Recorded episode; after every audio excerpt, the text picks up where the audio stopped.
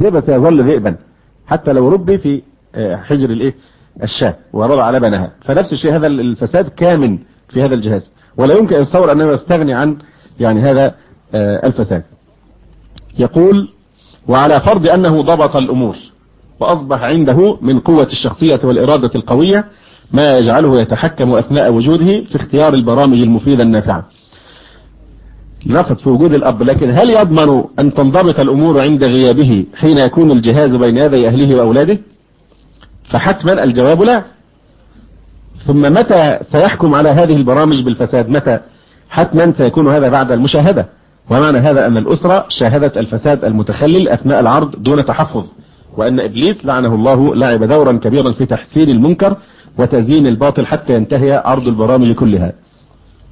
وفي كثير من الأحيان يقف الأب الغيور من برامج التحلل والفساد موقفا صارما فيميل إلى الجهاد ليمنع عرض الفساد فيه فتقع المنازعة والمشادة بينه وبين من, وبين من يلوذ به من أهل وولد.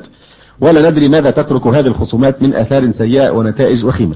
وكم وقعت حوادث مؤسفة في الطلاق وقطيعة الرحم وفتن أليمة بين الزوجة والأولاد ورب الأسرة بل بين الأشقاء أنفسهم نتيجة هذه المشاحنات والمنازعات.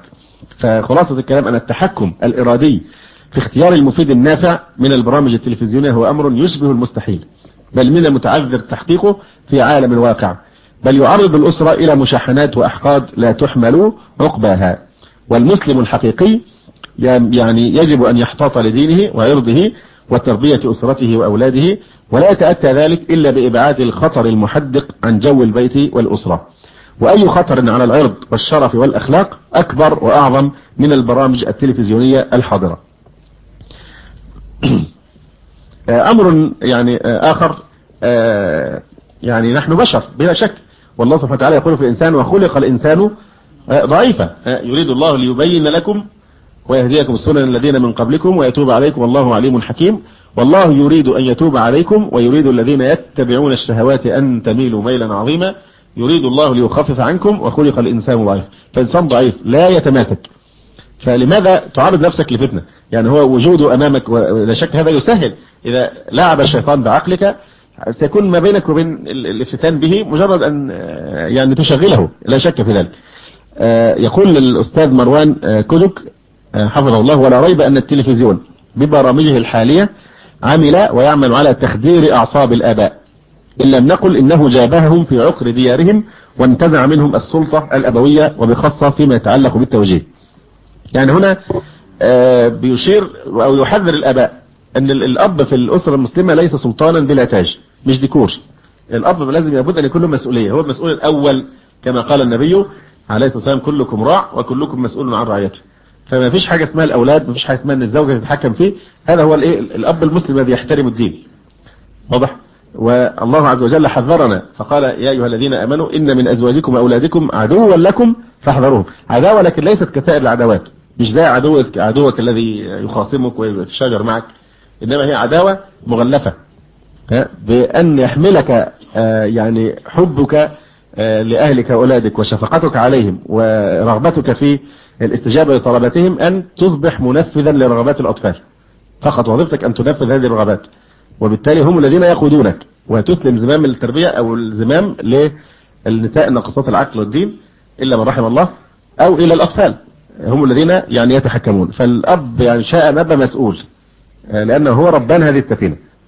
أي نعم. والله سبحانه وتعالى يقول له إن من أزواجكم وأولادكم عدوا لكم فاحذروهم. انتبه من هذا النوع من الفتنة أن يحملك طاعة الأهل أو الأولاد على معصية الله سبحانه وتعالى. يقول فرب العائلة الأخلاقي أو المحافظ أو الإسلامي يتردد بادئ ذي بدء في شراء الجهاز وفي اقتنائه. إلا أن ضغط الزوجة ومن ورائها ضغط الأولاد يدفعه إلى الشراء شريطة التقيد بمواعيد محددة. يقولوا ده أنت بس هاتوا ده إحنا هنلتزم بمواعيد محددة. لاستعماله موطنا نفسه عند اشترائه على استخدام نفوذه للحد من مفاسده وإغلاقه في اللحظات المناسبة والحاسمة. بيد أنه بعد وقوعه في الفخ وبعد جلوسه مع زوجته وفتيانه وفتياته تضعف إرادته ثم تتراخى ثم تتخدر ونرى ونراه ونرى عائلته يتسابقون في النظر والاستمتاع وهم يتبعون الصور والحركات وينتقلون من برنامج إلى آخر. زي الدجال بالضبط كما حذر النبي عليه السلام. وإحنا سميناه من ضمن أسماء إيه الدجال. دجال العصر. كيف إن الدجال يأتيه الرجل وهو موقن عنده يقين كامل في نفسه واثق من إيمانه تماما فلا يلبث أن يقابل الدجال حتى يستسلم له ويؤمن به والعياذ بالله. فهو واثق من نفسه تماما لكن عرض نفسه للفتنة. فيأتي الدجال فيظهر الدجال عقله ويخدعه عن دينه ويرتد عن الإسلام والعياذ بالله. ف فحينما يأتي الجهاز ويجلس ويجلس مع الأولاد تراه يتسابق مع أولاده في هذه في النظر والاستمتاع أو الاستماع. وهم يتبعون الصور والحركات وينتقلون من برنامج إلى آخر. وإذا سألته بعد حين عن توجيه الأولاد تأوه وأطلق زفرات الحزن وتمتم قائلا لا حول ولا قوة إلا بالله. أي نعم. فنقول له بيدك؟ لا بيد عمرو. ويداك أوكتا وفوك؟ نفخ. أي نعم.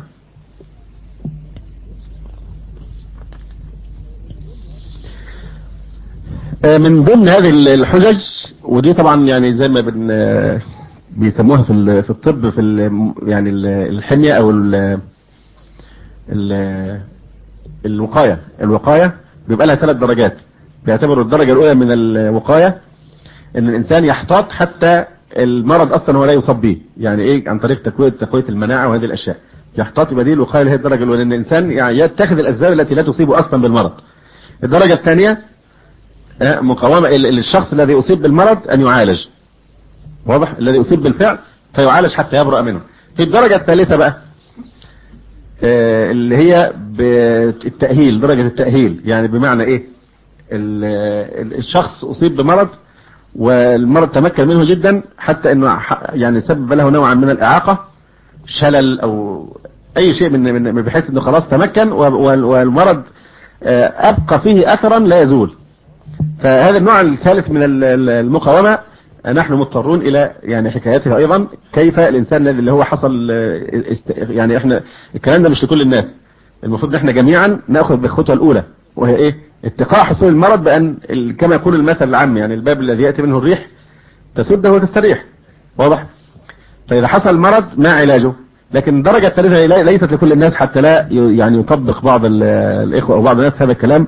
وإن شاء الله الإخوة لا يكونوا محتاجين لهذا الكلام وهو اللي هو الشخص الذي تمكن منه الداء بحيث حصل عنده نوع من العاهة الدائمة نفسية أو جسدية فبنحاول نعمل عملية التأهيل علشان يقدر يعيش يعني ويؤدي وظائفه مع وجود هذا الأثر يعني الثابت. هذا بالضبط ما يقوله بعض الأباء حينما تكلموا عن كل هذا الكلام الذي ذكرناه يقول لك كل اللي قلته ده يعني صحيح كل هذا الكلام صحيح لكن الحقيقة أن أنا قد أفلت الزمام من يدي ولا يوجد سبيل على الإطلاق لأن أقنع يعني الأولاد أو أن أحد من خطورة هذا يعني الجهاز. سبق أن إحنا تكلمنا ضمنا يعني عن هذا الموضوع. يقول الأستاذ عدنان بحارث له كتاب قيم جدا. اسمه مسؤولية الأب المسلم في تربية الإيه؟ الطفل في مرحلة الطفولة. كتاب من, من أفضل الكتب التربوية الرائعة. يناقش هو مشكلة التلفاز الحقيقة هو رجل ملتزم يعني ما شاء الله وباحث جيد. فتتعرض لهذه الرد على هذه الشبهة وهي مشقة دفع الأبناء. خلاص الأولاد خرجوا من يد الأب تماما ولا يستطيع أن يفعل شيئا يقول ولا شك أن الأب الذي يقتنع بوجوب الاستغناء عن هذا الجهاز وقد تعلق أولاده به فإنه يواجه مشقة وعنة شديدة. إذ قد تعود الأولاد على مشاهدة برامجه ساعات طول اليوم. ولكن عزاءه الوحيد استحضار قول الله تعالى يا أيها الذين آمنوا قوا أنفسكم وأهليكم نارا وقودها الناس والحجارة. وقوله سبحانه وتعالى يا أيها الذين آمنوا إن من أزواجكم وأولادكم عدوا لكم فاحذروهم وإن تعفوا وتصفحوا وتغفروا فإن الله غفور رحيم. إنما أموالكم وأولادكم فتنة. والله عنده أجر عظيم. فتأمل في النصف الأول من من الآية الكريمة ذكر إيه؟ إن من أزواجكم وأولادكم. في آخر الآية قال إنما أموالكم وأولادكم. فصار الأولاد قاسما مشتركا في الافتتان بهم. الأولاد كرر الأولاد فهو قاسم مشترك. فالأزواج والأولاد يمكن أن يكونوا وبالا على الآباء يدفعونهم بعواطفهم الجياشة نحو ارتكاب المعاصي والمحرمات. ولهذا حذر الله من الانصياع لأهوائهم وشهواتهم. وفي ذلك يقول النبي صلى الله عليه وسلم الولد محزنة مجبلة مجهلة مبخلة. هذه كلها صيغ مبالغة. أي أن الذرية تسبب الحزن للأب لمرضها أو موتها وتسبب الجبن عن الإقدام والجهاد في سبيل الله وتشغل عن العلم والإنفاق في وجوه الخير والبر. فهم فتنة للأب في الدنيا يختبره الله بهم ويبتلي إيمانه ويقينه ليعرف مدى حبه له عز وجل. وهذه سنة الله في عباده المؤمنين يبتليهم ليختبرهم وليرفع منزلتهم. وقصة نبي الله إبراهيم مع ابنه إسماعيل عليهما السلام من أبرز الأمثلة الواضحة في بيان سنة الله عز وجل مع عباده المؤمنين المطيعين لأمره.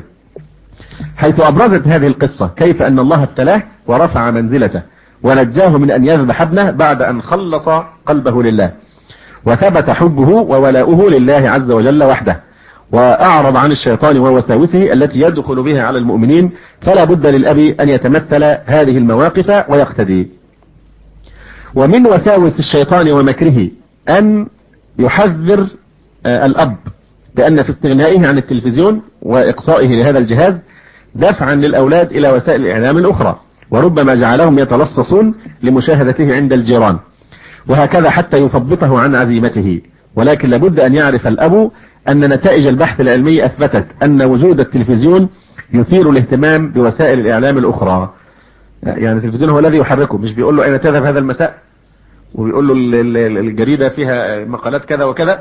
إذا إيه؟ التلفزيون هو الذي بيفتح أبواب الشر دي كلها. فعدم وجوده بالعكس هو الذي سيقلل اهتمامه بما عداه.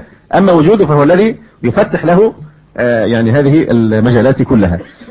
كما أن عدم وجوده لا يثير هذا الاهتمام فليس في عزله ضرر. وربما دخل الشيطان على الأب من باب قيامه بتحذير الأولاد عند رؤية المناظر المخالفة للدين وبيان حرمته. قل أن لما يكون في أشياء من هذه الأشياء المحرمة سأقول لهم يعني هذا حرام أو نطفئ أو غير ذلك. وبذلك يكون قد أدى واجبه تجاههم وقدم النصيحة المفروضة عليه. وهذا يمكن أن يفيد فائدة لا بأس بها. إذا اقترن مع التحذير الإقلاع عن رؤية ذلك المنظر المخالف. وإغلاق الجهاز في الحال. وهذا الأسلوب ينصح به الأب كمرحلة وسط بين الانهماك مع هذا الجهاز وإقصائه بالكلية. وكما كان دي عملية التأهيل للناس اللي أصابته معاها خلاص بسبب التلفاز. فيعني يعني يعني إن الأب هو نفسه يقلع. الأب نفسه إذا كان هينبهه من الحاجات المخالفة للإسلام أنا الحقيقة بقرأ الكلام بستغرب يعني كيف يمكن إنه ينبههم إزاي؟ يعني لما يشوف الموسيقى يقول لهم سدوا ودنكم. ولما يشوف واحدة متبرجة يقول أغمضوا اعينكم هل التلفاز يستغني عن أحد هذين صور النساء وال والموسيقى؟ ما أظن إنه هو يعني أي نعم.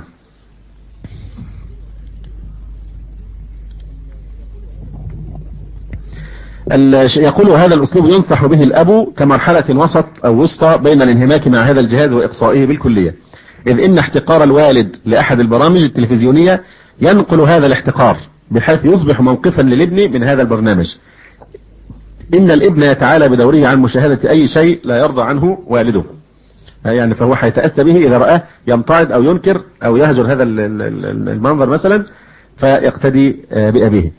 يقول أما تحذير الأولاد من المناظر المحرمة ومنعهم من رؤيتها دون إقلاع الكبار عنها بل يصاحب ذلك عكوفهم المستمر وانسجامهم وانهماكهم معها فإن هذا السلوك المتناقض يسبب في نفس الولد خاصة الصغير خلخلة أنه هو لا يفهم ولا يستطيع أن يدرك كيف هو ينهى عن هذه المشاهد ويسمح لغيره. وإذا كانت ضر بالصغار فكيف تكون نافعة للكبار؟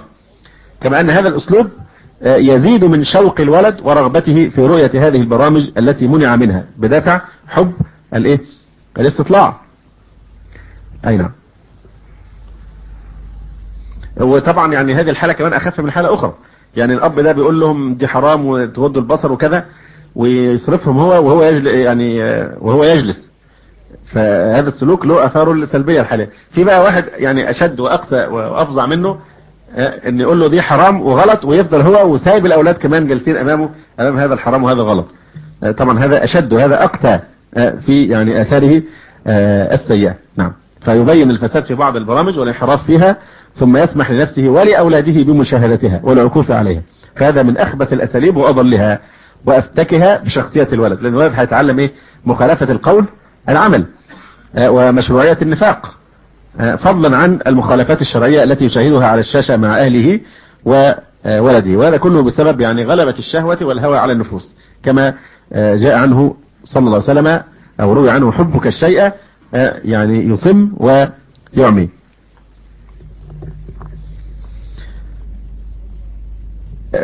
فطبعا يعني القدوة أسلوب يعني من أخطر وسائل وأهم وسائل التربية. ف... وهو الحقيقة كل المشاكل دي لو إن فعلا اقصي الجهاز وما البيت يبقى انتهت المشكلة. أما طول ما هو موجود فباب الشر يعني مفتوح ويسهل جدا الولوج يعني إليه. يعني نشر في بعض الجرائد هنا كلف مدير مباحث القاهرة بضبط نادي فيديو وصاحبه فقامت قوة مداهمة الصالح حيث تم ضبط 98 فيلما مخلا بالاداب وجهاز فيديو العرض وتلفزيون وآلة عرض. آه كما تم القبض على 30 شخصا من الأحداث والبالغين يشاهدون العرض. منهم أب ذهب ليضبط ابنه فجلس ليشاهد الفيلم.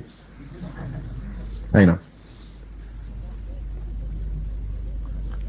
فطبعا ده الفيديو خارج البيت. فبالك بقى لو هو داخل المنزل؟ فشك هو من الجزء أساسي من المقتنيات. فالله المستعان. أما إن جاء قرار الأب بعزل هذا الجهاز متأخرا بحيث قد تعلق الأولاد به وشغفوا بحبه فإن الحكمة مطلوبة في أسلوب إعلان قرار الإلغاء وتطبيقه. إذ إن الاستعجال في تنفيذه دون تهيئة الأولاد لذلك ربما سبب إزعاجا لهم وشعورا بالحرمان فهم لا يدركون كيف يباح لهم الاستمتاع بالمشاهدة في الأمس القريب ثم يحرم عليهم اليوم. فالتغير الذي حدث في نفس الوالد تجاه التلفاز لم يحدث في نفوس الأولاد بعد. فلهذا فإنه لابد له من التدرج. آه وهذا خطأ يعني طبعا إحنا محتاجين نتكلم في الموضوع في مناسبة أخرى إن شاء الله بعض الأخطاء التربوية. آه يعني آه إن بعض الإخوة أحيانا يريد ابنه نسخة منه بالضبط نسخة كربونية. وبتحصل تغيرات ونمو في المفاهيم في عند الإنسان فهو لا يراعي هذا الأمر في إيه؟ مع المرحلة العمرية لابنه. فبيحاول يعني أحيانا عن طريق القهر والأوامر. أنجح طريقة أنك تجعل ابنك يقتنع بما أنت مقتنع به. أن يتبنى الرسالة التي تعيش أنت من أجلها. يتحد معك في الهدف. أما إنك تتصور إن هي بمجرد الأوامر إنك أنت تستطيع أن تجعل منه نسخة منك بالضبط في كل تصرفاتك حتى الأشياء التي فيها سعة فهذا في الحقيقة ينتج يعني كثيرا من الاثار المدمرة. فهذا الأب حصل تغيير في فكره وفي مفاهيمه نتيجة إنه تعلم أو نصح أو قرأ أو سمع أو شيء من هذا.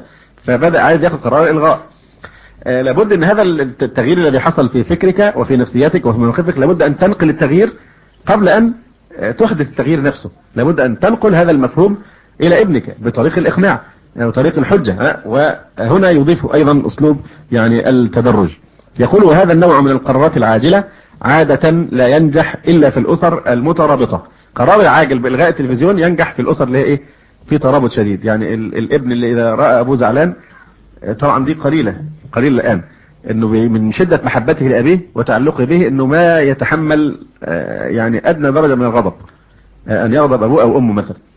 فيستعد أن يضحي بكل شيء في سبيل أن يرضي أباه وأمه. فهذا الأسلوب اللي هو إلغاء التلفاز بصورة مفاجئة ممكن يتم في مثل هذه الأسر. لماذا؟ أن الدافع هيكون دافع عاطفي دافع وجداني. فالطفل إيه؟ يعني هذا الشيء بيزعل أبوه فهو بيعمله من هذا المنطلق. مش عايز يزعله. فوجود مع الترابط والعلاقات الوجدانية الشديدة بين الأب والأبناء أو الأبوين والأبناء هذا بيكون عامل مساعد جدا في انقيادهم لما يختاره الأب أي نعم. فهذا ينجح فقط في الأسر المترابطة ذات العلاقات العاطفية القوية والصلة الأبوية المتينة. والحب العميق المتبادل بين الأب والأولاد بحيث لا تستطيع الأولاد تحت الضغط العاطفي والحب المتبادل عصيان أبيهم بل يسارعون بالاستجابة ويتصبرون. ثم سرعان ما يتعودون على نمط الحياة الجديدة ويستقيمون مع الفطرة ومنهج الإسلام الصحيح وذلك لأن الطفل سريع التأقلم والتغيير. أما أسلوب التدرج الراجح في حل هذه المشكلة فإن الأب هو أدرى الناس بتحديد مراحله الزمنية وخطواته التطبيقية بانيا ذلك على خبرته ومعرفته بأولاده ومدى تعلقهم بالتلفاز. ولكن وقوفه على بعض المقترحات في هذا الجانب يمكن أن يفيده ويعينه في مهمته الصعبة.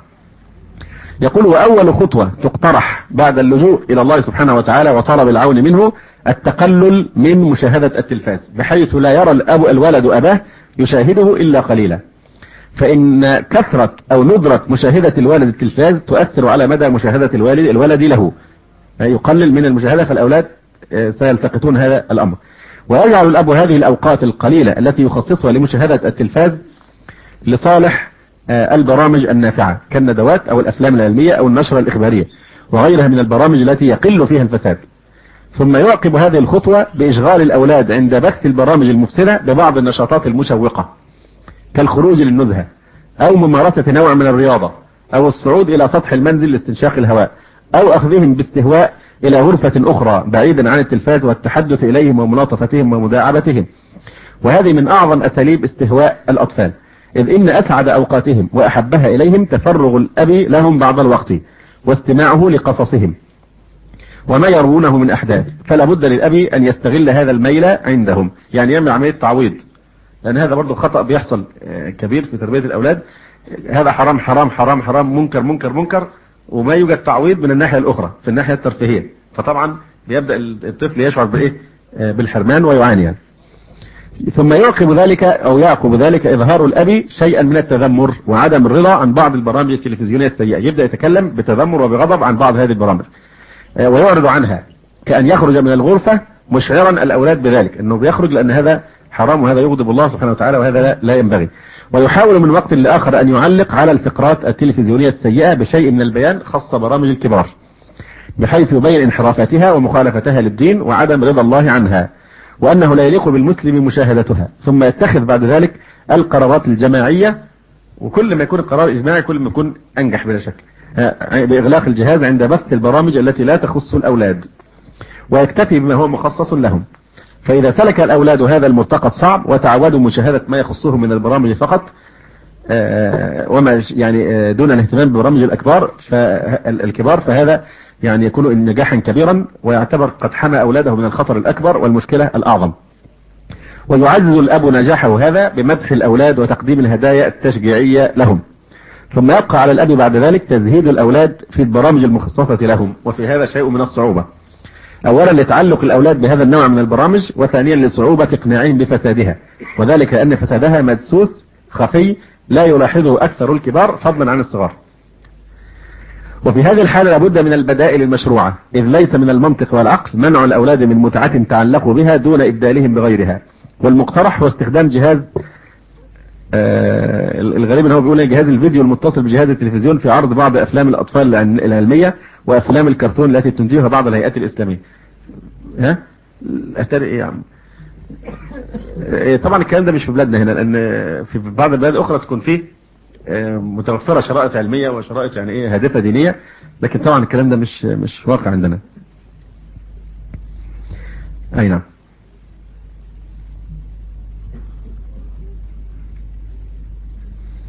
يقول بيقول بقى إن يعني كبديل لو دي غير متوفرة بيرشد إلى استخدام ألعاب الكمبيوتر الهادفة التي يمكن أن تسد هذه الثغرة فهي مشوقة ومرنة وسهلة الاستخدام. فإن كان الأب تزويد أولاده بعض برامج الكمبيوتر مضمنة لبعض الألعاب التي تعتمد على التوافق بين حركة العين واليد إلى غير ذلك. يعني يقول إن كانت يعني برامج هادفة ومسلية في نفس الوقت كبعض البرامج التي تعلم الكتابة مثلا أو الهجاء. واضح أو الحساب أو غير ذلك من هي بتظهر في صورة لعبة لكن هي في الحقيقة لها أهداف تربوية تتوافق مع عمره ومع يعني ميوله. يعني حتى برامج الكمبيوتر بعض الناس قد تتصور إنها سالمة من من السموم لكن لا تكاد تخلو لأن كما ذكرنا ما هو نفس المشكلة يعني ما هي جاية من الخارج يعني يعني إذا كانوا مثلا بيعملوا مثلا بعض البرامج سجن كبير ودايما لازم يكون الشخص المجرم أو الحراس أو الشرطة أو هؤلاء الناس اللي هم في السجن بيحرسوه وبيتعقبوا هذا البطل لازم يكونوا بلحية كبيرة وبعمامة وباللابس إيه؟ اللي هي تربطهم على طول بالاسم نفس المباني بتاعت السجن تكون زي مباني المساجد بالضبط. واضح؟ وبعدين الولد اللي, بي... اللي هو البطل أبيض وشعره أصفر. برضه ترسيخ إن البطولة دايما في الإيه في الغربيين. واضح. وغير ذلك من المفاهيم اللي هي في منتهى الخطورة. ترسيخ إن اللحية دي بتاعت الناس اللي إيه اللي هم كذا وكذا المكروهين المبغضين. واضح. ففي أشياء يعني هو الأطفال بيكونوا في غفلة عنها. فايضا حتى هذه الأشياء تحتاج لنوع شديد من الحذر واحيانا تكون برضو نسبة أو جرعة العنف فيها طبعا فوق ما يتخيل الوصف. وهو بقى بيمارس المرة دي العنف بنفسه سواء الأتاري أو بالإيه؟ بالكمبيوتر. يعني واضح إن برضه السلبيات الموجودة في العائلة التلفزيونية موجودة هنا وان كانت بتكون يعني أخف من حيث التحكم. أي نعم. والسلامة لا يعدلها شيء. السلامة بعدم وجود كل هذا الشر لا يعدلها شيء. بهذا الأسلوب التربوي يكون الأب قد حفظ أولاده من خطر طبعا في برامج زي ما قلنا في الكمبيوتر في برامج أحاديث وبرامج قرآن وبرامج بتحفظ القرآن وبرامج بتسمع الإنسان القرآن وتعطيه درجة. واضح؟ يعني إن كانت هذه الأشياء المفيدة النافعة فهذه بلا شك سيكون يعني بديلا مناسبا لكن بلا شك هذا لا يصلح لكل الناس يعني الإمكانيات لأن هذه الأشياء أسعارها مرتفعة جدا الآن. أي نعم. يقول وبهذا الأسلوب التربوي يكون الأب قد حفظ أولاده من خطر التلفاز بتزهيدهم في برامجه ويعطيهم البديل النافع الذي يشغل وقت فراغهم ويزودهم بمعلومات جديدة مفيدة ويعوضهم المعلومات التي يظن فواتها من برامج التلفزيون العادية. ولا بأس حينئذ بمصارحة الأولاد الكبار بحكم ما يعرض على التلفزيون من البرامج الصالحة وغيرها وتزويدهم بفتاوى العلماء في ذلك ليكمل يقينهم. فحين يقرر الأب بعد هذا المشوار التربوي الشاق أن يستغني عن التلفاز ويقصيه بالكلية من المنزل فالمتوقع أن يكون قراره هذا جماعيا يشاركه فيه الأولاد. ولو لم يتخذ الأب الإجراء اللازم لإخراج التلفاز من البيت فإن المتوقع أن الأولاد قد تحصنوا ضده ولن يشاهدوا إلا النافع هذا إن شاهدوه وهذا أبلغ في استقامتهم على المبدأ مستقبلا. ولن يضير الولد مشاهدة التلفاز عند الجيران أو الأقارب بل لن يهتم بذلك لزهده فيه أصلا.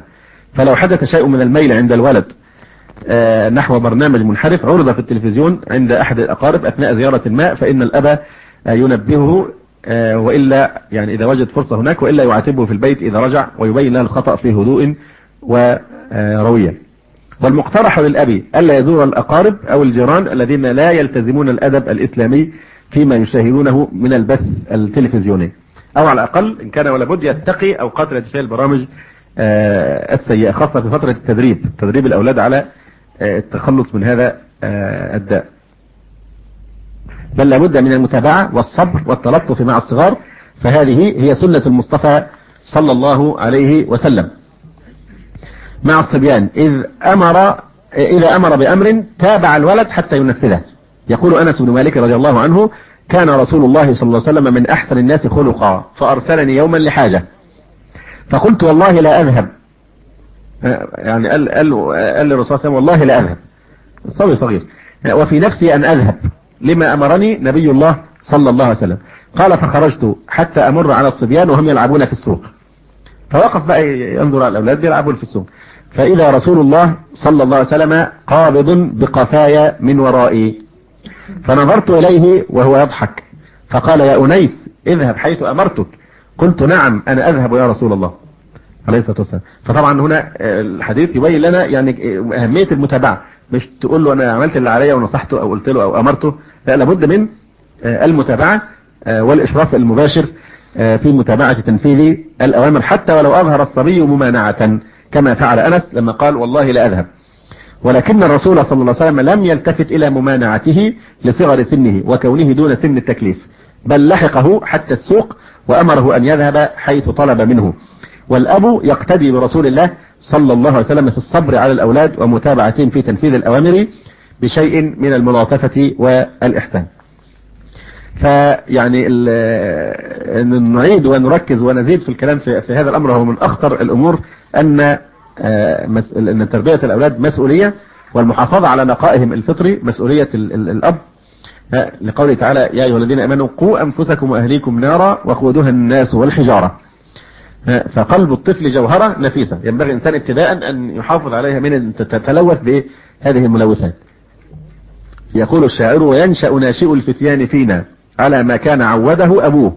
وما دان الفتى بحجا ولكن يعوده التدين أقربه أي نعم. وقال عليه الصلاة والسلام كل مولود يولد على الفطرة إلى آخر الحديث. ويقول الغزالي الولد أمانة عند والديه. وقلبه الطاهر جوهرة نفيسة فإن عود الشر وأهمل إهمال البهائم شقي وهلك. وصيانته بأن يؤدبه ويهذبه ويعلمه محاسن الأخلاق. إن الغصون إذا قومتها اعتدلت ولا يلين إذا قومته الخشب. فما زال عود غض طريق تستطيع أن تشكله كما ترغب. في ظل هذه الفتنة الموجودة الآن لا شك أن دور الأسرة في التربية في انحصار لأن أب أمامه. من فضلك اقلب الشريف. في ظل هذه الفتنة الموجودة الآن لا شك أن دور الأسرة في التربية في انحصار لأن أب أمامه منافسين كثيرين جدا ينافسونه في هذه العملية يعني التربوية. الأب في الغالب ظروفنا الآن الأب مشغول بالعمل. الأم قد تخرج أيضا للأسف للعمل. الأطفال بل ليس هذا فحسب يعني ظاهرة العائلة ذات الأب الواحد الآن موجودة. يعني الأم هي اللي تبقى مع الأولاد والأب بيسافر في الخارج لكي إيه؟ يشتغل. أو إذا كان الأم حتى والأب موجودين هناك في الخارج فيتركوا الأولاد هنا ويبعثوا لهم الأموال طبعا الوفيرة. فطبعا هذا كله مما ظاهرة الآن بدأت تستشرف المجتمع أو استشرت بالفعل ونجم منها يعني كثير من الأضرار والمشاكل. فيصبحون فريسة لهذا التلفاز الذي يتسلمهم وهم في طور التكوين عجينة غضة يشكلها كيف يشاء ويتحكم فيها كاتبو برامجه الذين يكونون من مرضى وضعاف النفوس الذين يسقطون أمراضهم وعقدهم إسقاطا نفسيا من خلال كتابته. هل يؤتمن هؤلاء على أولاد المسلمين وبناتهم الراقصات والممثلات وهؤلاء الناس؟ فيعني فموقف الأباء والأمهات من أمثال هذه الأجهزة التي تدمر المجتمع ببطء هو الذي يحدد مدى تأثر الطفل بهذه الأشياء التي يراها ويسمعها. كما أشرنا من قبل ونركز على إن كان ولا بد وما في حل غير استمرار وجود العجل للأسف الشديد. ففي هذه الحالة يعني الأب لابد أن يظهر دائما احتقاره للمعاصي المبثوثة في هذا الجهاز وبالتالي يتعالى الأبناء عن يعني مشاهدة ما لا يرضى عنه أبوهم لأنهم يثقون به ويقلدونه. وكما ذكرنا الطفل يعني المفروض أنه ليس الذي يفكر لنفسه الكبير هو الذي يفكر له. فالطفل عاجز عن أن يقوم بدور الرقابة على نفسه. فمسؤولية الأب هي أن يحميه مما يؤذيه في دينه ودنياه. فالأطفال لا هم الطفل لا هو يعني بيشتري الجهاز بنفسه لأن ليس معه فلوس ولا هو الذي ينتج الأفلام ولا يعني البرامج. أي نعم. ونحن نعجب يعني إذا رأينا الواحد من الأباء إذا أصاب واحد ابنه مثلا الحمى ها أو اعتراه اصفرار في اللون أو جرح ونزف منه الدم كيف يقلق أشد القلق؟ ثم لا يبالي على الإطلاق إذا رأى أولاده موغلين في المعاصي التي تنتهي بهم إلى نار وقودها الناس والحجارة والعياذ بالله. أي نعم. من الأمور المهمة غرس قيمة الوقت في نفوس النشء. حتى لا يستبيحوا ضياع الوقت وقتل الساعات أمام الشاشة أو أمام الأتاري بلا تقدير لهذه الخسارة الفاضحة الفادحة. أي نعم. تعويد الأطفال على نوم مبكرا وعدم طبعا هذه مهمة جدا في هذا الأمر. أيضا تعويدهم أو تعرفهم بأن أقدة الواجبات هي المحافظة على الصلاة في وقتها وزرع حب الله ورسوله صلى الله عليه وسلم وطاعتهما في وطاعتهما في قلوبهما في قلوبهم. كذلك تذكيرهم بالحرص على واجباتهم سواء التعليمية أو حفظ القرآن والسنة غرس مفهوم تحري الحرار الحلال وتجنب الحرام في نفوسهم.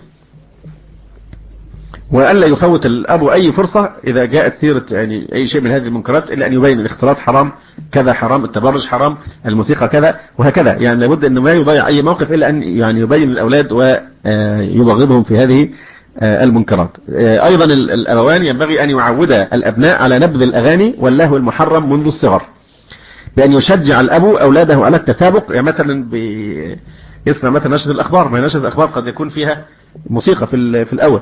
فيعود أن إيه يتسابق الأولاد من يطفئه بسرعة حتى لا يسمع صوت هذه الموسيقى. يعني حتى البرنامج النافع قد يكون فيه مثل هذا الأذى فيعود أطفاله من الذي يتسابق حتى إذا هيظهر صوت موسيقى في يعني يعني يسكت الجهاز بسرعة إلى أن يمضي وقتها ثم يتابع. إذا كانت في منتصف البرنامج الإخباري مثلا أيضا موسيقى نفس الشيء هو يسارع أولا الأولاد بعد ذلك يتسابقون ويقتدون به بحيث يفهموا أن الموسيقى هذه شيء ما ينبغي أن يدخل يعني أذن المسلم. أي نعم.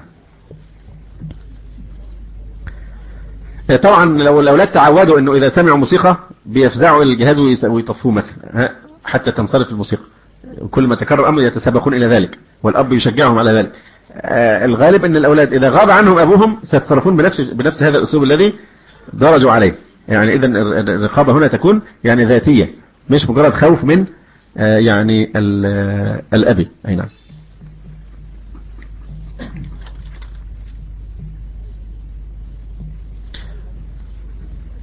أيضا من الأمور المهمة جدا توعية الأبناء بأن مصدر هذه الأفلام أو هذه البرامج المستوردة الدول الكافرة المعادية للإسلام والمسلمين والتي لا تألو جهدا في سبيل إفسادهم وإضعاف روح التدين فيهم ليبقوا تحت سيطرتهم وبالذات دور اليهود لعنهم الله.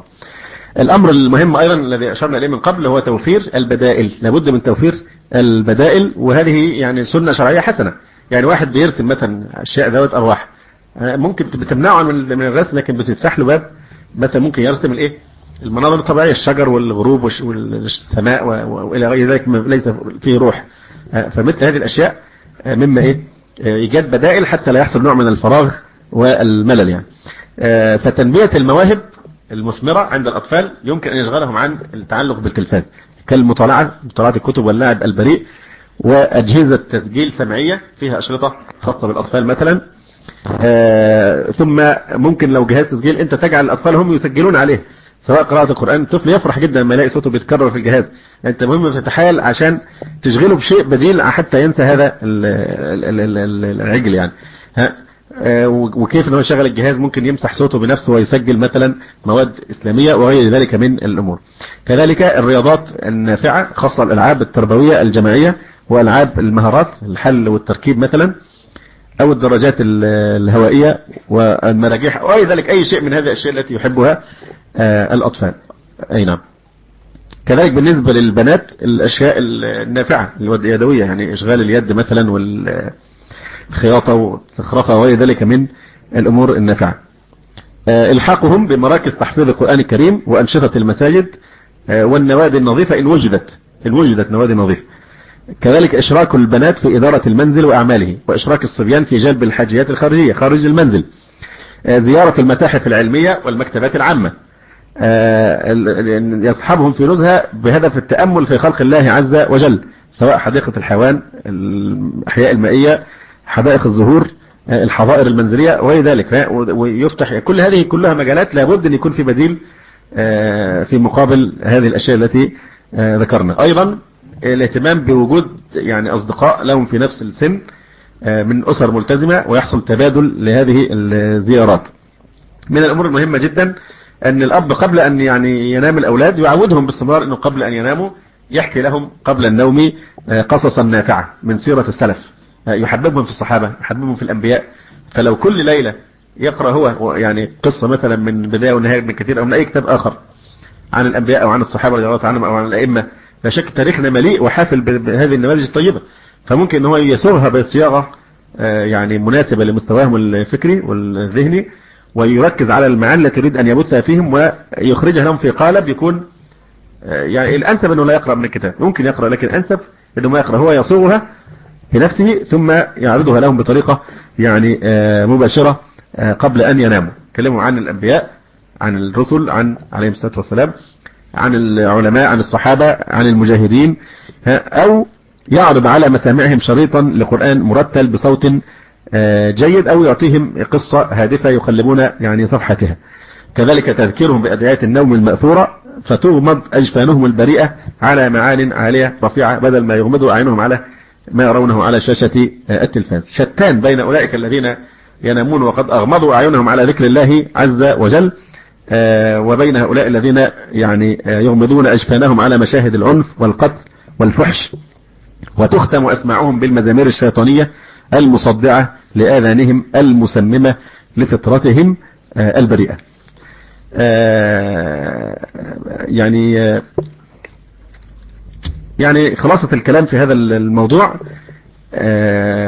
هو أن أي مشكلة إنسان بداية العلاج اللي هي الشعور بالخطر الشعور بالخطر اللي هو يعني الإحساس تكون الشبكة العصبية في الجسم سليمة فبيحس بالخطر فيستطيع أن يتجنب النار أو المسمار أو أي شيء من هذا. لكن لو الشبكة العصبية تالفة ما بيحس حتى يستشري الداء فيه. فالإنسان لا يبدأ في الدفاع عن النفس قبل الاستشعار بالخطر. والله سبحانه وتعالى زود أجسادنا بالأعصاب الحسية لنشعر بالأخطار فنتلافاها بسرعة. فلن يسارع الإنسان لإنقاذ نفسه إلا إذا حس بالخطر. الذي لا يحس بالخطر بيكون الإحساس مات مات عنده. كذلك في القضايا في القضايا الإيمانية وهذا هو نفس ما قصد الله سبحانه وتعالى في قوله عز وجل نسوا الله فنسيهم. ولا تكونوا كالذين نسوا الله فأنساهم أنفسهم. ما معنى ذلك. هذا المعنى يشرحه الإمام أبو الفرج ابن الجوزي رحمه الله تعالى فيقول اعلم أن العقوبة تختلف فتارة تتعجل وتارة تتأخر. عقوبة الله سبحانه وتعالى تتعجل وقد تتأخر. وتارة يظهر أثرها وتارة يخفى. يقول وأطرف العقوبات أخطر العقوبات ما لا يحس به المعاقب وأشدها العقوبة بسلب الإيمان والمعرفة والعياذ بالله. ودون ذلك موت القلب ومحو لذة المناجاة منه. يعني أشد عقوبة أن يقع الإنسان في الكفر والعياذ بالله. لأنه يسحب من قلبه لذة الإيمان والمعرفة يموت عنده هذا الإحساس وبالتالي يقع في الشرك. وهذا حال الكفار والمشركين. أو المرتدين والعياذ بالله. يلي ذلك موت القلب ومحو لذة المناجاة منه. وقوة الحرص على الذنب. الإنسان يبقى يعني حريص على الذنب. ومن ذلك أيضا نسيان القرآن. من هذه العقوبات الخفية التي لا يشعر بها الإنسان وإهمال الاستغفار ونحو ذلك مما ضرره في الدين. وربما دبت العقوبة في الباطن دبيب الظلمة إلى أن يمتلئ أفق, القلب يعني بالظلمة فتعمل بصيرة. القلب إذا أظلم ما يكون عنده بصيرة. وأهون العقوبة ما كان واقعا بالبدن في الدنيا. أهون عقوبة ما كان واقعا بالبدن كالحدود الجلد مثلا وهذه الأشياء. وربما كانت عقوبة النظر في البصر. النعمة التي أعطاك الله سبحانه وتعالى نعمة البصر بدل أن تستعملها في طاعته وفي منافعك تستعملها في النظر للنساء والنظر للفتن والسمع تستعمله للموسيقى وهي ما خلقت لذلك. كما قال الشاعر أنالك رزقه لتقوم فيه بطاعته وتشكر بعض حقه فلم تشكر لنعمته ولكن قويت على معاصيه برزقه. نعصى الله بالآلات التي من الله علينا بها سبحانه وتعالى. واضح؟ ويقول عز وجل وتجعلون رزقكم أنكم تكذبون. تجعلون شكر الرزق الذي أتيناكم أنكم تكذبون رسلي. يقول وربما كانت عقوبة النظر في البصر فمن عرف لنفسه من الذنوب ما يوجب العقاب فليبادر نزول العقوبة بالتوبة الصادقة. عساه يرد ما يرد ما يرد من عقوبات الله سبحانه وتعالى. وفي بعض الآثار البر لا يبلى والإثم لا ينسى والديان لا ينام. فكن كما شئت كما تدين تدان. وقال يحيى ابن معاذ الرازي المغبون من عطل أيامه بالبطالات وسلط جوارحه على الهلكات ومات قبل إفاقته من الجنايات. فالتلفاز كما ذكرنا هو سلاح ذو حدين إذا استعمل في الخير نفع وأفاد. لكن واقعنا الآن هذا كلام نظري. الواقع الآن الماثل أمامنا والصارخ أمام أعيننا. يقطع بأنه مسخر تسخيرا شاملا لحساب الباطل والفساد. إلا في نسبة ضئيلة لا تكاد تذكر. أي نعم. يقول الله تعالى يا أيها الذين آمنوا أطيعوا الله وأطيعوا الرسول وأولي الأمر منكم فإن تنازعتم في شيء فردوه إلى الله والرسول. إن كنتم تؤمنون بالله واليوم الآخر ذلك خير وأحسن تأويلا. إذا رددنا حكم اقتناء التلفاز إلى القرآن الكريم وإلى السنة النبوية فقد يعني علمنا حكم الشرع فيما تقدم. فإن وقع وقف ويعني وقع اتفاق على أن الاستمرار في مشاهدة التلفاز بوضعه الحالي هو من أكبر الحرام وأعظم الإثم فهذه هي الخطوة الأولى بين يدي علاج هذه المشكلة أن نعترف بالحقيقة وبأنه خطر على الدين. أما الخطوة الثانية فهي أن يتوب القائمون على الإعلام بفروعه المختلفة وعلى رأسه التلفاز توبة جماعية من المخالفات الشرعية وأن يفروا إلى الله سبحانه وتعالى ويعاهدوه على أن يتبنوا رسالة الإسلام ويلتزموا منهج الإسلام ويرفعوا راية الإسلام ويعقدوا مع الإسلام معاهدة سلام ويعملوا مع القرآن والسنة تطبيع. أي نعم. ويلتزموا بما يستتبعه ذلك من تطهير لهذا الجهاز من الرجس والخبث واستبداله بكل ما يحقق الطهارة الإسلامية طهارة الأهداف وطهارة الوسائل. ولكن إلى أن يتحقق هذا الأمل العزيز وما ذلك على الله بعزيز. ماذا ماذا يجري إلى أن يتحقق هذا الأمل الذي نتمناه؟ تبقى المسؤولية في عنق الدعاء إلى الله عز وجل كي يبينوا ولا يكتموا وينصحوا المسلمين ويفضحوا سبيل المجرمين. ويحذروا من خطر التلفاز بوضعه الحالي على الدين. وتبقى المسؤولية المباشرة في عنق الأبي المسلم آه الذي يمسك بزمام العملية التربوية داخل الأسرة. يقول صلى الله عليه وسلم إن الله سائل كل راع عما استرعاه حتى لا يسأل الرجل عن أهل بيته. فالبيت المسلم هو آخر القلاع التي يتحصن بها المسلمون. فليس لسلطة مهما عتت أن تحول أن أو أن تحول دون التربية الصحيحة داخل حجرات البيت. وليست هناك سلطة في الأرض تجبر أحدا على اقتناء التلفاز أو أو الفيديو. ثم إن أولى الناس بالحكم بما أنزل الله. يعني الحكم بما أنزل الله ليس فقط واجب الحكام. كل واحد منا مطالب أن يحكم بما أنزل الله سبحانه وتعالى وأولى الناس بذلك الدعاء إلى الله عز وجل.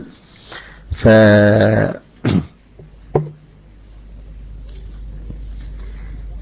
يعني نظن أنه بعد هذا الحوار الطويل لم يبقى مجال للزعم أن الأب المسلم يمكن أن يقوم بعملية تهذيب الذيب بعد ما ناقشنا من هذه الشبهات.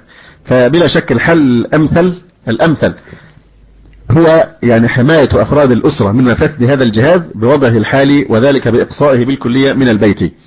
بعض الناس يقولون تبيعه لكن أقول تبيعه لمن؟ ستفسد أسرة مسلمة أخرى. لو بعت النصراني والنصراني سيستعين به في الفساد. هل الله سبحانه وتعالى يحب الفساد؟ والله لا يحب الفساد حتى لو كان على يد يهودي أو نصراني. فلم يبقى إلا أن يعني يقصى تماما بتحويله لمقلب زبالة أو بأي نوع من التخلص منه.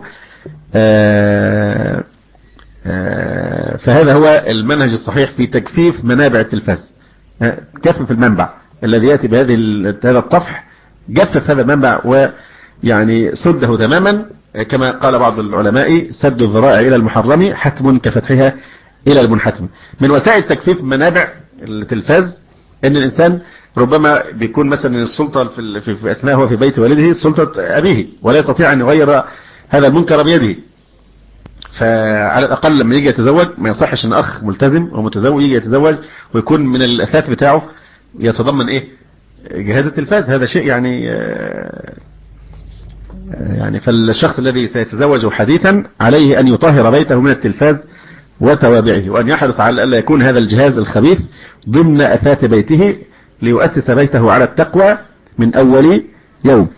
وعلى ولي المرأة أن يحرص عند اختيار من يصاهره على أن ينتقي رجلا صالحا ذا دين وورع يحمي ابنته من فساد التلفاز وتوابعه. كذلك الأب المسلم عليه أن يعلم ويخبر أقربائه وجيرانه الذين يزورهم بموقفه من التلفاز ويطلب منهم احترام سياساته التربوية أثناء الزيارات بمعنى الجهاز يغلق ولا يشغل أثناء الزيارة. واضح؟ آه فيعني هذا آه ينبغي احترامه حتى يعني آه هذا إذا لم يقتنع بالحق. إذا أصر فينبغي أن ألا يعني قل له لا أريد أن أعرض أولادي إلى تناقضات في يعني ناحية التربية. طبعا لن نضيع وقتا بقى في مناقشة الاقتراحات التي يعني يضعوها بعض الناس. يقول النظام ممكن يكون نظام الكابلات ومش فين الكابلات هنا عندنا؟ في بلادنا. فين الأشرطة النافعة؟ العلمية. صحيح في الخارج بلا شك موجودة أشياء نافعة بدرجة غريبة جدا يعني. نافعة في الدين وفي الدنيا. ممكن إنسان يدرس علوما كاملة من خلال هذه الأشرطة. يتقن لغة كاملة وهكذا. لكن أين أين نحن؟ فقط يعني استفدنا من جانب السلاح الضار أو الحد الضار من هذا السلاح ذي الحدين. فبالتالي كلام غير واقعي ان إحنا نتكلم عن كابلات وان هيئات إسلامية تقوم بعمل كذا وكذا وبرامج مش عارف موجهة. هذا واقع هذا غير واقع أو غير واقعي ونأمل أن يحصل هذا في يوم من الأيام. هذا يعني نهاية الرحلة الطويلة التي انطلقنا منها مع هذا العدو والتي كانت بعنوان اعرف هذا العدو. الحقيقة تلقيت اوراق كثيرة من الإخوة بيطلبون طباعة هذا البحث. وأنا في الحقيقة ما ما أظن إن هو مناسب أن يصبع باعتبار إن المراجع التي تكلمت باستيفاء في هذا الموضوع مراجع كثيرة ومتوفرة. وأشهرها وأهمها على الإطلاق كتاب الأستاذ مروان كدك اللي هو الأسرة المسلمة أمام الفيديو والتلفاز. كتاب قوي جدا وأنا استفدت من معظم يعني معظم الأشياء منه. فانا أتلو عليكم بعض المراجع بعض هذه المراجع التي استفدت منها لأنه لن يطبع بحث في هذا إن شاء الله. ولكن من أراد الاستزادة فيرجع لهذه المصادر. من نحب إن إحنا نعمل كتاب ويكون خدم الموضوع خدمة وفية من قبله. من هذه المراجع سموم على الهواء الأخ فريد التوني كتاب مسؤولية الأب المسلم لعدنان بحارث آه، كتاب ماذا يريد التربويون من الإعلاميين كتاب الآثار النفسية للتلفزيون العربي كتاب كيف تؤثر وسائل الإعلام كتاب بصمات على ولدي لطيبة اليحيى آه، كتاب أربع مناقشات لإلغاء التلفزيون لجيري مندر. ده مهم جدا. آه، كتاب الأسرة المسلمة كما ذكرنا أمام الفيديو والتلفاز لمروان كودك آه، كتاب التلفزيون بين الهدم آه، والبناء لعبد الصمد. آه، منها أيضا كتاب تربية الأولاد آه، للشيخ محمد ناصر حلوان رحمه الله تعالى. آه، هذا آخر ما كنا نريد يعني بيانه آه، فيما يتعلق بمعرفة هذا العدو بين يدي رمضان. آه، لأن بلا شك آه، أخوف ما يخاف الإنسان على الناس في رمضان هو هذا الجهاز الذي يعني يستحوذ تماما على حواسهم ويصرفهم عن هذه الفرصة آه، الثمينة. فكما ذكرنا بما أن درء المضار مقدم على جلب المنافع نحن اهتمامنا هذه السنة بدرء المضار وسد آه، باب الشر وتجفيف آه، من أباه. فهو بقي لنا من القضايا التي آه، المفروض أن نتناولها. أنا حقيقة كنت اتصور ان الوقت هيطول كده. آه، لكن آه، مش ما تخافوش مش هنقعدكم زي في بحر قعدنا ساعتين ونص. آه، يعني إن شاء الله بإذن الله لأن يعني غير متأكد هل ستكون الظروف مناسبة يوم الخميس أم لا. لكن إن شاء الله غدا إحنا عندنا الربع اللي هو واقفين عليه إحنا في سوره الأعراف. فاضل الآيات قليلة منه. فبإذن الله غالبا إن شاء الله بكرة نخلص الربع ثم نشرع فيه يعني مش هياخد شغل أكتر من 10 دقائق أو ربع ساعة. ثم نشرع في في قسيم هذا الموضوع وهو موضوع يخص كل واحد منا. هذا يخص الذين عندهم تلفزيون. لكن هذا الموضوع الحقيقة هو من أشق ال ال الأمور التي جاهد السلف الصالح رحمهم الله تعالى أنفسهم في مك- مجاهدتها وهو آفات اللسان.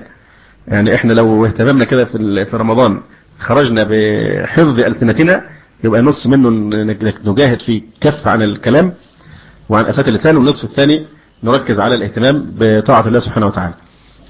آه، قراءة القرآن والذكر. لكن الإنسان لو استطاع أن يدرب نفسه على حماية لسانه فهذا باب من أعظم أبواب النجاة.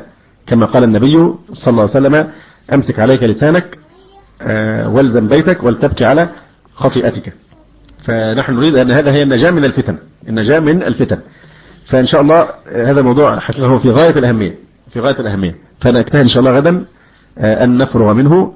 آه، باعتبار أن هذين الموضوعين هم عايزين نركز على علاج الصفات وال- والآفات شيئا فشيئا بطريقة عملية وليست نظرية.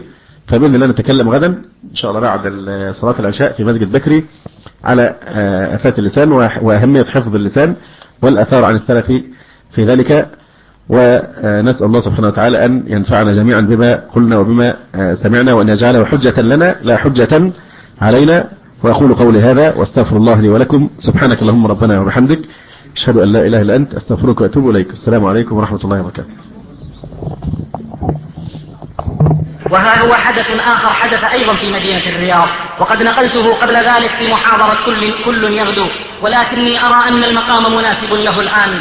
رجل عمره ما بين الثلاثين والأربعين شاب في مكتمل شبابه لا يرتاح ليلة من الليالي إلا على كأس خمر يشربها أو امرأة يزني بها حياته مظلمة عربدة وفساد وعناد وبعد عن الله الواحد الديان تمر به الأيام والليالي ويشاء الله أن يتزوج بزوجة. وبعد زواجه يزداد طغيانه ويزداد عصي- عصيانه ويرزقه الله عز وجل بابنة من زوجته لتترعرع وتبلغ الخامسة من عمرها. ترعرعت وبلغت الخامسة من عمرها وهي لا ترى أباها إلا قليلا. يسهر ليله على معصية الله ثم يأتي منهكا لينام ونادرا ما تراه ابنته في الليل نائمة وهو سهران على المعاصي. وفي النهار وفي النهار في عمله وهي في البيت. تمر الأيام وتمر الليالي فلا يزداد إلا سوءا. وفي ليلة يتفق مع بعض قرناء السوء. ليجتمعوا على شر- شرب الخمور ويقدر الرحمن أن يتأخر عن هؤلاء الرفقة السيئين. ثم يقول هو عن نفسه ذهبت وفتشت عنهم يمنة ويسرى نظرت إليهم هنا وهناك بحثت عنهم فلم أجدهم. قال فما كان مني إلا أن ذهبت إلى صديق سوء آخر فذهبت إليه وأخذت منه فيلما ماجنا خليعا جنسيا يستحي إبليس أن ينظر إلى ذلك فكيف بالبشر. قال ثم أخذته وعدت به في الساعة التالية ليلا ولا إله إلا الله. ثلث الليل الآخر يتنزل الرب هل من داع فأستجيب له. ومنا من تهراق دموعه على خده من خشية الله فذلك هو الفائز.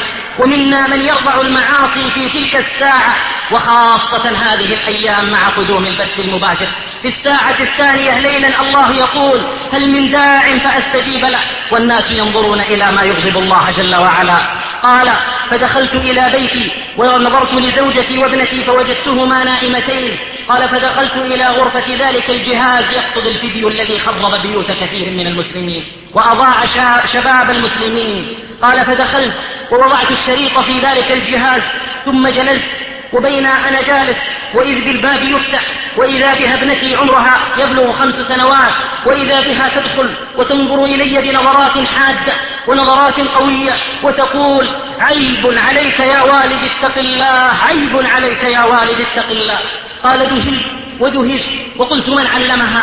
من أنطقها؟ إنه رب الأرباب سبحانه وبحمده. قال وأغلقت الجهاز وخرجت ونظرت إليها فإذا هي نائمة. قال فخرجت وأنا أتذكر قولتها عيب عليك يا والد اتق الله. بقيت في الشارع أمشي وآتي وإذ بمناد ينادي الله أكبر الله أكبر. نداء صلاة الفجر الذي حرمه كثير من المسلمين والذي ذكر النبي صلى الله عليه وسلم أن من عظم الأجر فيه لو لم يكن من الإنسان إلا أن يأتي حبوا لتلك الصلاة لجاء حبوا. قال وذهبت وتوضأت ودخلت في المسجد وما كنت أصلي أبدا. قال وكبرت مع الإمام. قال ويوم سجدت انفجرت من البكاء. قال وعندما انتهى. الإمام من صلاته قال الرجل الذي بجانبي ما بك يا أخي. قال قلت له سبع سنوات ما سجدت فيها لله سجدة بأي وجه ألاقي ربي. سبع سنوات ما ركع فيها لله ركعة بأي وجه يلاقي الله جل وعلا؟